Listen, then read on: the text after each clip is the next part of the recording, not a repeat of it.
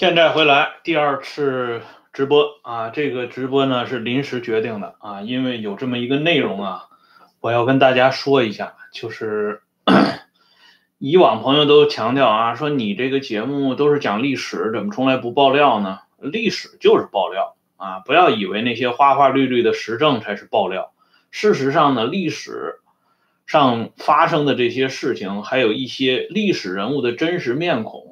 比眼下的这些光怪陆离的啊时政呢，更显得让人胆战心惊。比如今天我们要讲的这期节目啊，因约会铭记而落网的抗日烈士吉鸿昌被捕前后这一段内容呢，我相信几乎所有的朋友都没有看到过。而且自从二零一五年十月份以后，这段历史呢，在网上。也被彻底的给封掉了，因为这个历史是有公开史料做支持的，但是这公开史料呢，今天我们已经看不到了。那既然看不到呢，我就有必要给大家讲一下了。所以呢，在讲这个节目之前呢，咱们先因陋就简啊，呃，我这个是私人的节目啊，比不上人家那些大牌的啊制作那么那么明显。先给大家看一段这个手机上播放的。老电影《吉鸿昌》啊，这一段呢正好是吉鸿昌最终的那段结局啊，坐着马车呢赶赴案发现场，就是著名的啊天津国民大饭店啊，这几个牌子上边都已经亮出来了啊，这就是马上要进入到高潮阶段啊，大家能听到这个音乐都是已经带有这种恐怖色彩的了。好了。咱们这个电影就先播到这儿啊，切入正题儿。这吉鸿昌这个人物呢，大家应该是耳熟能详啊，著名的抗日烈士，写过那首绝命诗“恨不抗日死啊，留作今日生”。最后呢，是高呼“中国共产党万岁”而壮烈牺牲。这个达奇这个老演员扮演的这吉鸿昌啊，给我们这一代人呢。在少年时代留下了极为深刻的印象啊！达奇晚年后来还有一部作品，就是《封神演义》，在里边演这个荒淫无道的呃纣王啊，跟这个傅艺伟呢有过很多对手戏啊。这件事情呢，应该是达奇的败笔了。很多人后来因此而不值啊达奇。这个话题呢都不关键，关键在于吉鸿昌这个人他到底是。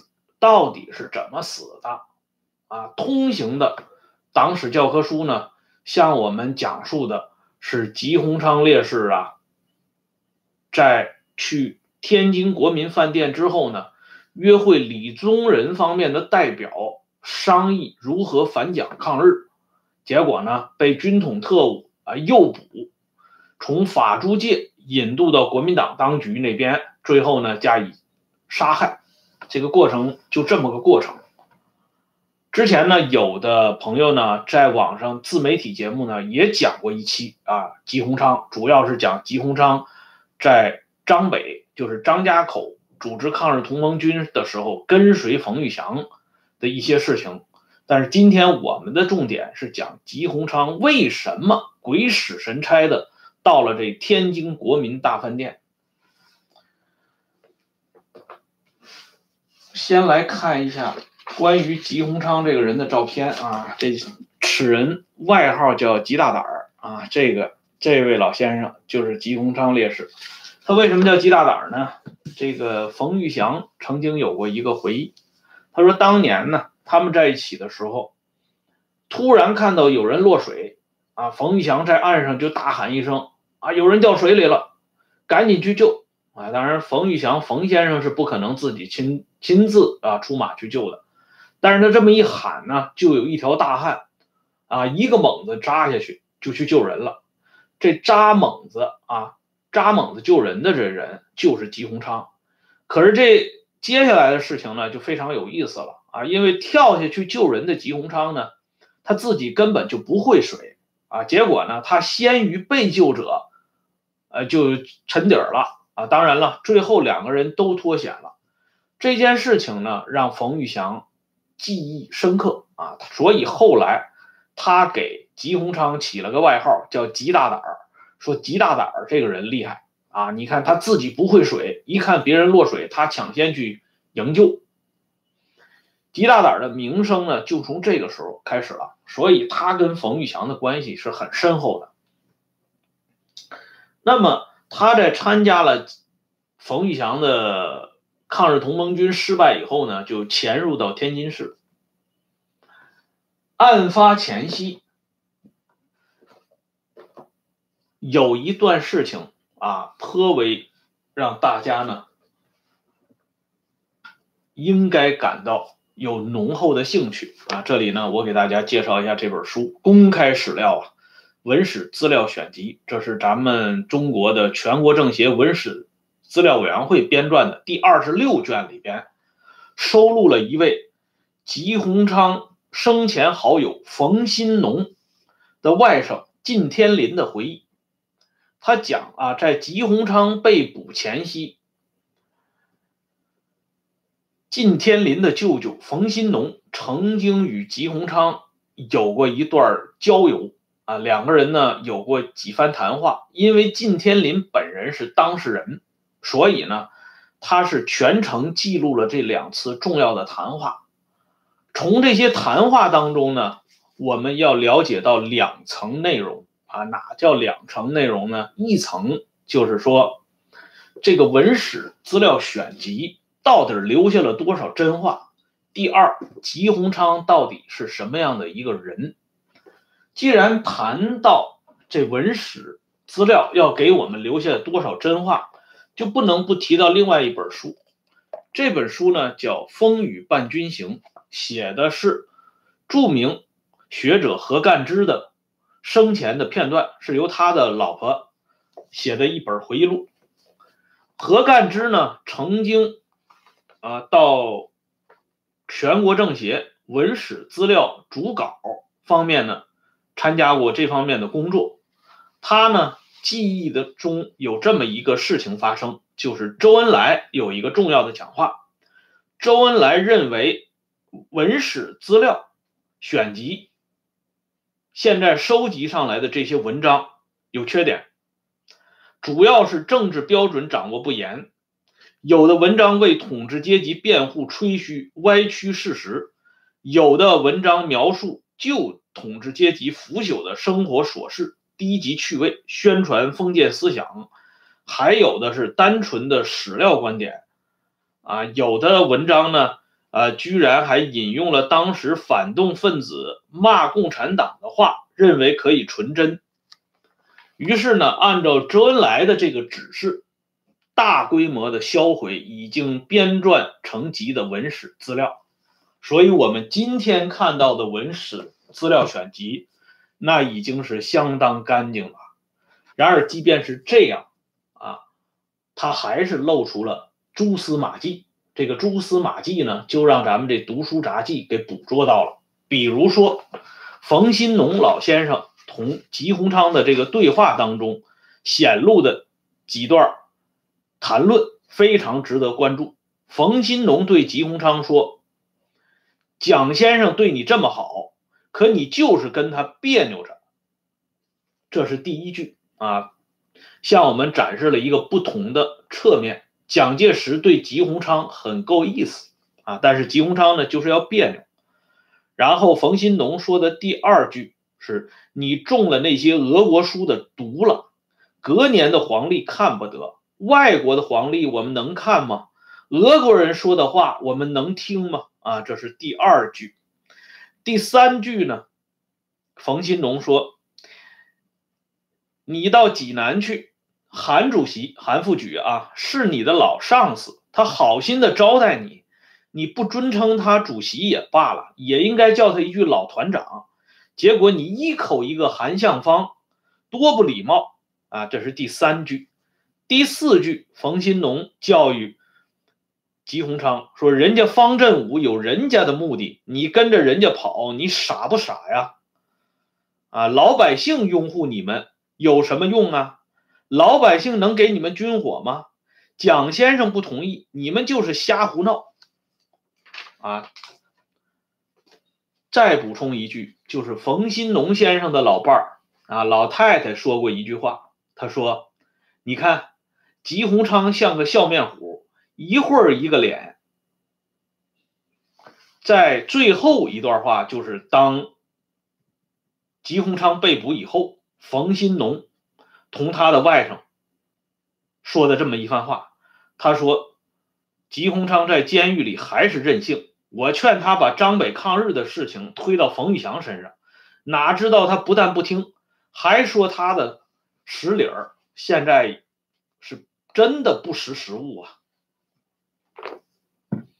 就是说，删除了这么干净的文史资料选集里边，还向我们展现了这些长期以来被尘封在历史的故纸堆当中的部分真相。那么接下来。我们就要讲一下吉鸿昌到底是怎么让人给逮着的？这个过程呢，这个爆料过程，我要给大家展现一下，这是有公开史料为证的，要不然你这本从何来呢？二零一五年啊，看一下第一期新文学史料，上面刊载了天津市著名作家王林的一九六三年的日记。一九六三年九月八号星期天，当时担任中共天津市委书记处书记的吴彦农与王林之间有过一番对话。这番对话是因何而起呢？就是由当时的吉鸿昌的电影剧本和话剧引发的。这段日记呢，王林是首先披露，国内呢可以说是独一无二。王林的儿子王端阳把把这个日记整理好以后呢，发在了他的新浪博客上。可是呢，这个博客现在已经成为不可描述的东西了，大家点击一下根本就看不到了啊。那么就是说呢，这个东西。有人不愿意让大家看到，那既然不愿意让大家看到呢，我们就来讲一下吴彦农。先来说一下这爆料人吴彦农的身份。这吴彦农是干嘛的呢？他在去世之后，啊，中共中央呢给他的评价是，啊，这朋友讲了四零四了，啊，很简单。说吴彦农是优秀的共产党员，久经考验的共产主义战士，忠诚的共产主义战士。好了，这忠诚的共产主义战士属于已经身份很明确了，不是那些地富反坏右，不是那些党仇恨的对象。那么他爆的这个料呢，应该说是有有依据可查的了，因为他是当事人之一啊。他讲了一下。当时与吉鸿昌具体负责联系的人，也是我曾经在彭真的节目当中提到的一个关键性的人物，后来成为金日成的著名的战友的李铁夫啊，他是朝鲜人。李铁夫还有一个身份，他是彭真的姑父啊，小姑父。李铁夫的老婆叫张秀妍。张秀妍的侄女叫张洁清，张洁清嫁给了彭真，所以李铁夫是彭真的姑父。李铁夫有一个著名的学生，他的名字叫姚依林，啊，所以呢，这李铁夫这人物我就再简单说一下。吉鸿昌在天津呢，直接同李铁夫有关联。他之所以要到天津国民饭店去。事实上呢，不是要同李宗仁的什么代表刘少香之类的见面，而是呢要同一个中共已经定义为托派分子的徐维烈见面。这个徐维烈这个人啊，我也简单说一下，他是国民党元老徐谦的侄子。徐维烈不是什么托派分子，他是。曾经担任过国民政府豫西行政公署专员的这么一个人，同时呢，还给冯玉祥担任过第二集团军军法处处长。他利用他的这两个身份，曾经掩护了大量的中国共产党地下组织的骨干。其中呢，比较有名气的就叫敬任秋啊，我的节目里提到过这个人，后来担任过上海市政协副主席，同邓小平的关系非常好啊。敬任秋的儿子后来还曾经担任过黑龙江省的副省长，啊，就是徐维烈这个人呢，是要同吉鸿昌见面的，但是约吉鸿昌的这个人不是徐维烈，而是谁呢？而是另外一个至今还打着抗日将领。这个名声的任应奇，这个人呢，据敬任秋的回忆，任应奇是一个地地道道的土匪，而吴彦农呢，也证实了这一点。吴彦农说，任应奇是河南惯匪，为日寇特务机关收买利用。啊，这实际上这个恶劣程度已经不只是土匪了，直接就是跟日本人有交道。可是呢，吉鸿昌就应了任应奇的邀请，到天津国民饭店。当时的情况实际上是很微妙的。李铁夫呢一再嘱咐啊，通过人嘱咐吉鸿昌不要抛头露面啊，因为你的这个人目标很大，很容易让人盯上。刚才我提到的那位冯新农老先生呢，也有过类似的劝告。可是咱们这个吉鸿昌呢，人称吉大胆儿，他不怕。他就去了，应约而去。但是为什么我这题目叫铭记呢？啊，大家说你这不是搞噱头吗？哪来的铭记呢？啊，我一再说过啊，这左派运动不论中外，两层含义：第一层性，第二层犯罪。啊，我引用的这个有的朋友做的结论吧。啊，既然是谈到了性，那一定要跟。名记有关系啊，而吴彦农爆的这份料呢，说的就是这个事儿。因为当时啊，任应奇之所以能够打动吉鸿昌，就是两件事儿：到天津国民饭店干嘛呢？第一打牌，第二玩女人。说白了就是嫖妓。而这个女人是谁呢？吴彦农还专门做了一个注解，就是当时的一个名妓啊，这个名妓到底叫什么，咱们现在已经不知道了。但就是这样啊，吉鸿昌就像我在片头啊给大家展示的那个简陋的小电影回放一样，坐着马车嘎哒嘎哒嘎哒就去了国民饭店了。这一去就没回头，因为当时呢，军统已经了解到。吉鸿昌的行踪了，就跟踪到这里，以在打球为名，把球呢故意打到他们这个呃打牌的这个房间里边，然后去取取去取这个球啊。这个过程呢，呃，国内的这些节目里边呢已经播过了，我不再重复了。抓捕的时候呢，吉鸿昌手里有枪，开枪了，双方呢互有伤亡。法国的巡捕房呢？闻声赶来，抓到了吉鸿昌和任应奇他们。这样呢，接下来的另一幕场景又出现了啊！我再给大家展示一下这本文史资料选集啊，在这个文史资料选集当中呢，在回忆吉鸿昌被捕之后啊，不厌其烦的向我们讲述了一个事情，什么事情呢？就是吉鸿昌被捕以后，他的妻子胡红霞啊，这个回忆文章是谁写的呢？我给大家看一下啊，这个回忆文章是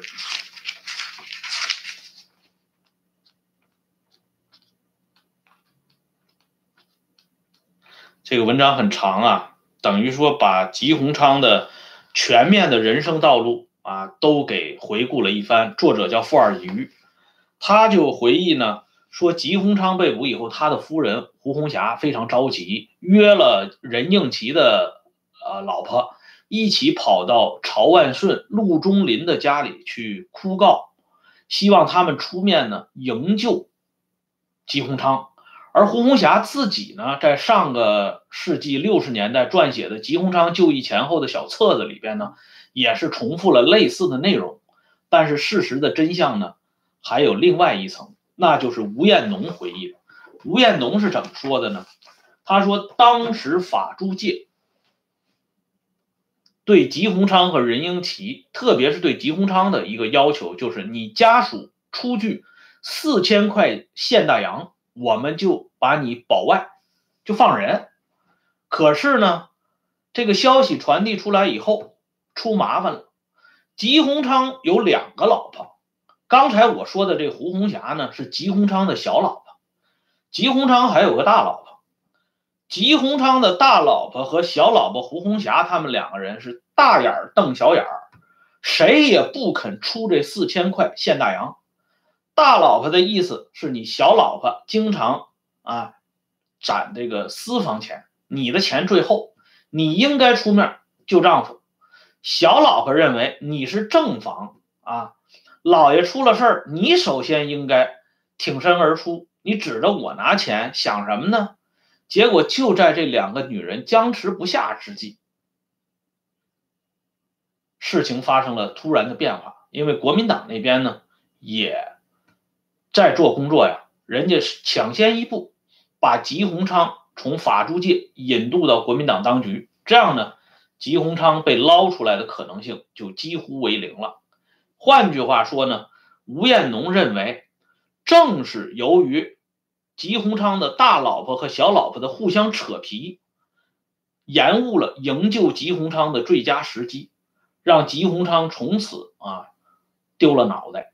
为此呢，吴彦龙还引了一个旁证，李铁夫回来以后，还专门啊为这件事情痛心疾首，因为当时李铁夫人不在天津呢。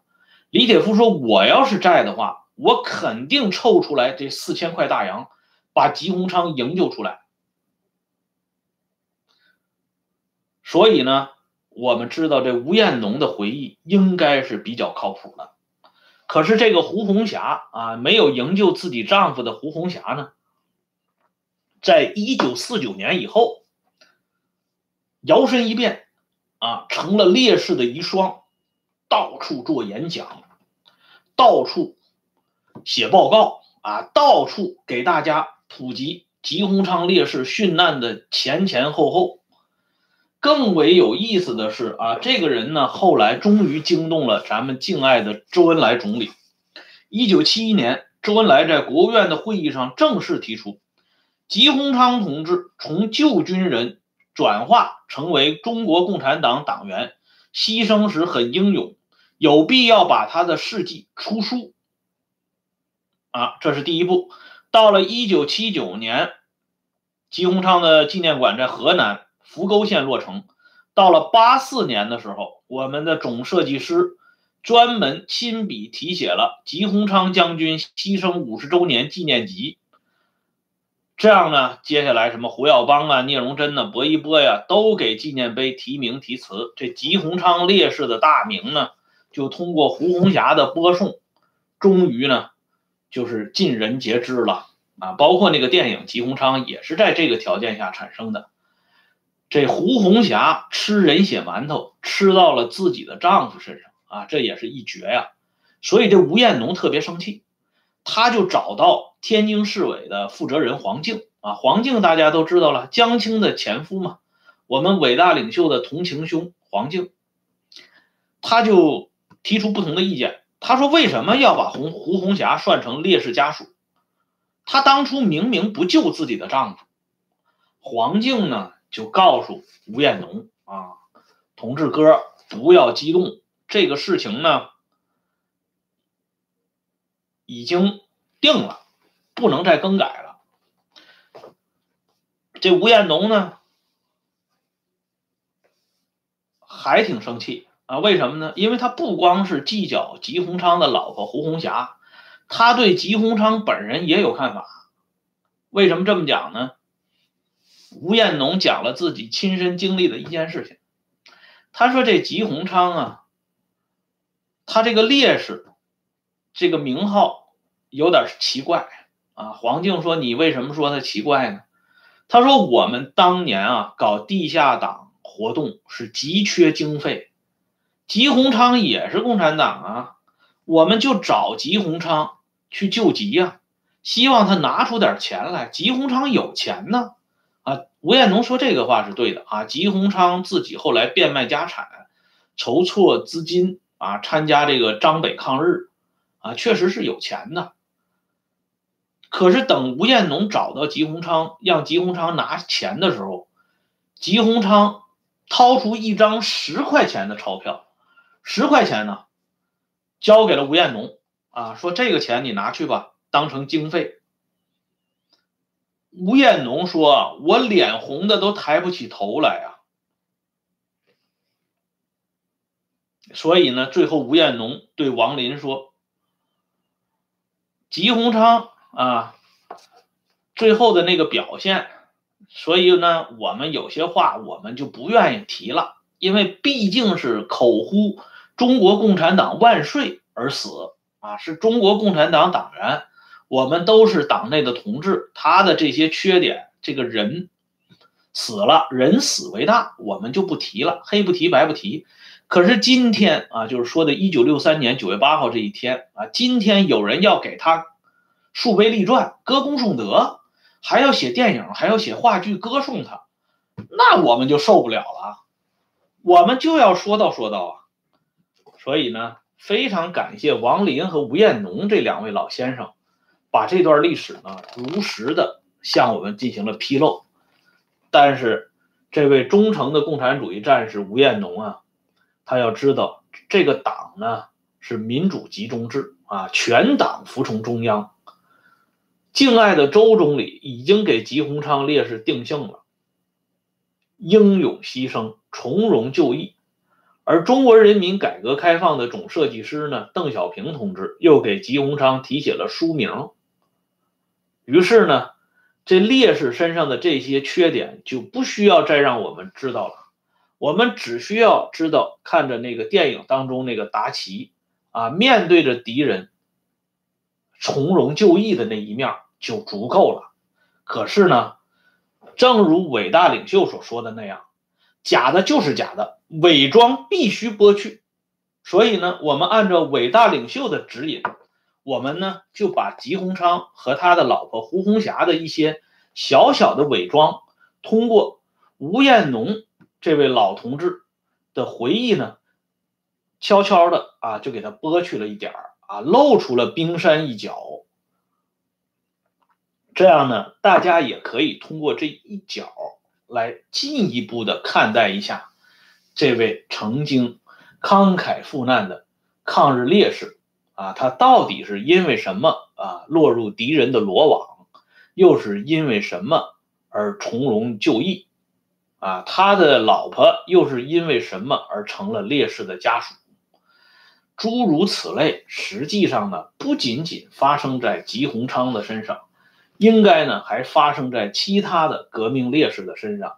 只是那些人的事情呢，咱们要一桩桩、一件件慢慢道来。今天呢，利用这么一个简短的时间，先把这个事情呢，给大家说一下。啊，以后有机会我们再光顾光顾一下其他烈士身上的那些斑斑点点，届时呢还会有更精彩的东西会被曝光。当然了，这个原创版权我在这里啊再重申一遍，不是我，而是著名的天津老作家王林和他的老朋友中共天津市委。书记处书记，后来担任国家经委副主任的吴彦农啊，感谢贺先生打赏啊！正是因为这些老同志啊，执着的追求着共产主义，所以呢，他们不经意间向我们流露了这些小小的真相啊，也让我们